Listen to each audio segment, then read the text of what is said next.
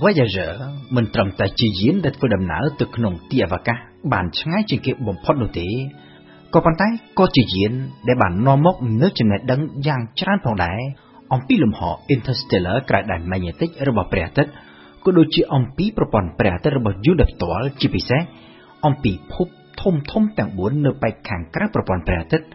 ដែលកាលពីមុនសម័យកាល Voyager នោះ នៅវិទ្យាសាស្ត្រនៅមិនទាន់មានទិន្នន័យអាចសិក្សាយល់ដឹងបានច្រើននៅឡើយនេះពេលដែលយាន Voyager ហោះកាត់ភពប្រហោះទិន្នន័យដែលប្រមូលបាននៅពេលនោះបានជួយឲ្យអ្នកវិទ្យាសាស្ត្រអាចយល់ដឹងបានកាន់តែលម្អិតអំពីភពឧស្ម័នដ៏សម្បើមមួយនេះដោយនៅក្នុងនោះមានរឿងដ៏គួរឲ្យភ្ញាក់ផ្អើលជាច្រើនដែលគេមិនរំពឹងទុកកាលពីមុនរឿងគួរឲ្យភ្ញាក់ផ្អើលទី1 គឺតកតងទៅនឹងចំណុចក្រហមដ៏ធំលើផ្ទៃភពប្រហោះដែលគេហៅតាមភាសាអង់គ្លេសថា The Great Red Spot ចំណុចក្រហមនេះត្រូវបានគេសង្កេតឃើញមានជាប់ជាប្រចាំនៅលើផ្ទៃភពប្រហោះតាំងពីរាប់រយឆ្នាំមកហើយហើយតែងតែជាអាចកំបាំងដ៏ធំមួយដែលគេមិនដឹងច្បាស់ថាតើវាគឺជាអ្វីពិតប្រាកដរហូតតទៅដល់ពេលដែលយាន Voyager ហោះកាត់យ៉ាងជិតភពប្រហោះនៅឆ្នាំ1979 ទើបគេអាចដឹងបានយ៉ាងច្បាស់ថាចំណុចក្រហមនេះគឺជាព្យុះសង្គ្រាប្រៀបដូចជាព្យុះសង្គ្រានៅលើផែនដីដែលគេមើលពីទីអវកាសដូច្នោះដែរគ្រាន់តែថាខុសពីព្យុះសង្គ្រានៅលើផែនដីដែលភាគច្រើនមានមកកាត់ត្រឹមរាប់រយគីឡូម៉ែត្រហើយកើតមានត្រឹមប៉ុន្មានថ្ងៃឬត្រឹមប៉ុន្មានសប្តាហ៍ក៏ត្រូវបាត់ទៅវិញព្យុះសង្គ្រាដែលជាចំណុចក្រហមនៅលើភពប្រហោះនោះវិញមានទំហំធំជាងមកកាត់ផែនដីរបស់យើងទាំងមូល ហើយជាព្យុះដែលកើតមានជាប់ជាប្រចាំឥតដាច់តាំងពីប្រមាណជា200ទៅជាង300ឆ្នាំមុនមកម្ល៉េះនៅជុំវិញភពប្រហោះវិញ Voyager បានរកឃើញមានខ្សែក្រវ៉ាត់ព័ទ្ធជុំវិញស្រដៀងគ្នាទៅនឹងភពផ្សៅដែរគ្រាន់តែខ្សែក្រវ៉ាត់ភពប្រហោះនេះមានតិចតួចដែលគេមិនអាចមើលពីផែនដីយើងនេះទៅឃើញបន្ថែមពីលើនេះទៅទៀត Voyager បានរកឃើញព្រះច័ន្ទចំនួន2បន្ថែមទៀតនៅជុំវិញភពប្រហោះដែលគេមិនធ្លាប់ដឹងពីមុន ចំណែកឯក្នុងចំណោមព្រះច័ន្ទធំធំទាំង4ដែលរកឃើញតាំងពីសម័យកាល Galilei នោះមក Voyager ក៏បានរកឃើញរឿងដ៏ចម្លែកគួរឲ្យភ្ញាក់ផ្អើលផងដែរនៅលើព្រះច័ន្ទចំនួន2ទី1គឺរកឃើញថាមានហេតុការណ៍ផ្ទុះព្រំភ្លើងនៅលើព្រះច័ន្ទឈ្មោះ Io នៅពេលនោះគឺជាលើកដំបូងបង្អស់នៅក្នុងប្រវត្តិសាស្ត្រ ដែលគេរកឃើញហេតុការណ៍ផ្ទុះព្រំភ្លើងក្រៅភពផែនដីហើយការរកឃើញនោះវាគឺជាផុសតាងដែលបញ្ជាក់ថាព្រះច័ន្ទក៏អាចដូចជាភពដូច្នោះដែរគឺអាចមានស្នូលឬយ៉ាងហោចណាស់ស្រទាប់ផ្នែកខាងក្នុង ដែលមានសីតុណ្ហភាពខ្ពស់និងសន្តានដីសកម្មដែលអាចបង្កជាភ្នំភ្លើងបាននៅលើព្រះច័ន្ទមួយទៀតគឺអឺរ៉ុបឬហៅតាមភាសាអង់គ្លេសថា Europa រូបភាពដែលថតបានដោយ Voyager បង្ហាញឲ្យឃើញពីផ្ទៃដីដ៏រាបស្មើក៏ប៉ុន្តែមានស្នាមខ្វាត់ខ្វែងដែលនោះគឺជាតម្រុយដែលអាចឲ្យគេសន្និដ្ឋានថាគឺជាផ្ទាំងទឹកកកដែលគ្របនៅពីពេញពីលើហើយដែលអាចមានទឹករាវនៅពីខាងក្រោមចេញពីភពប្រហោះទៅដល់ភពសៅ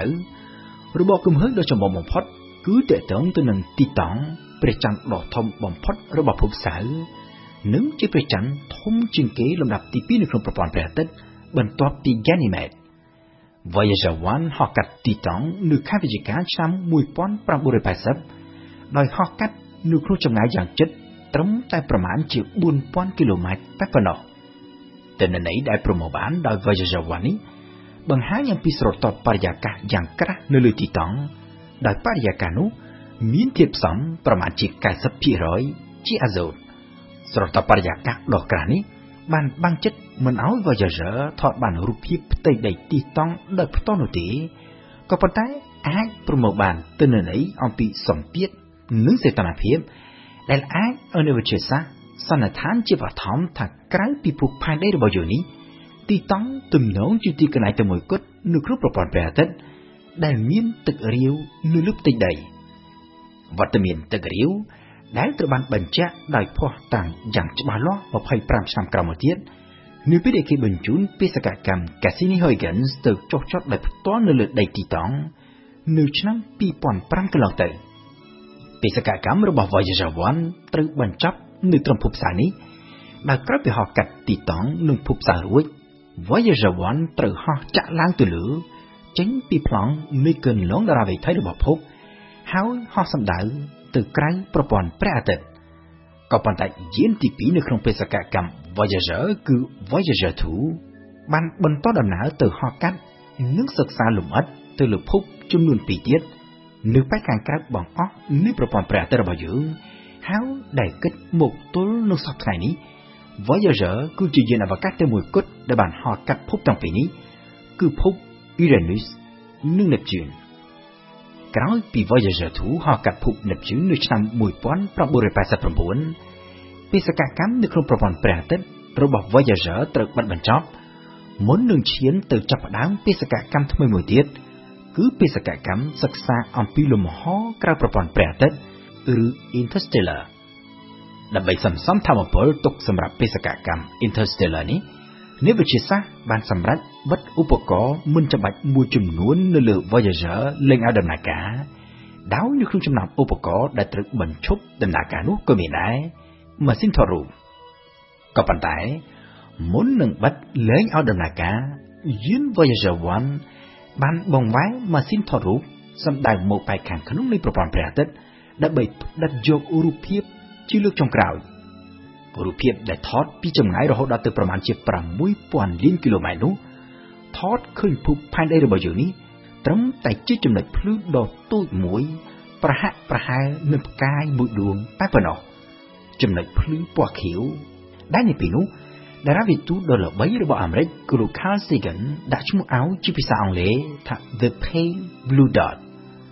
ទៅលើរូបភាព The Pale Blue Dot នេះលោក Carl Sagan បានធ្វើបទអត្ថាធិប្បាយមួយ ដែលមកទល់នឹងសប្តាហ៍នេះនៅតែត្រូវបានគេយកមករំលឹកជាបទអត្ថាធិប្បាយដ៏ល្បីល្បាញមួយតាក់ទងទៅនឹងមនុស្សជាតិយើង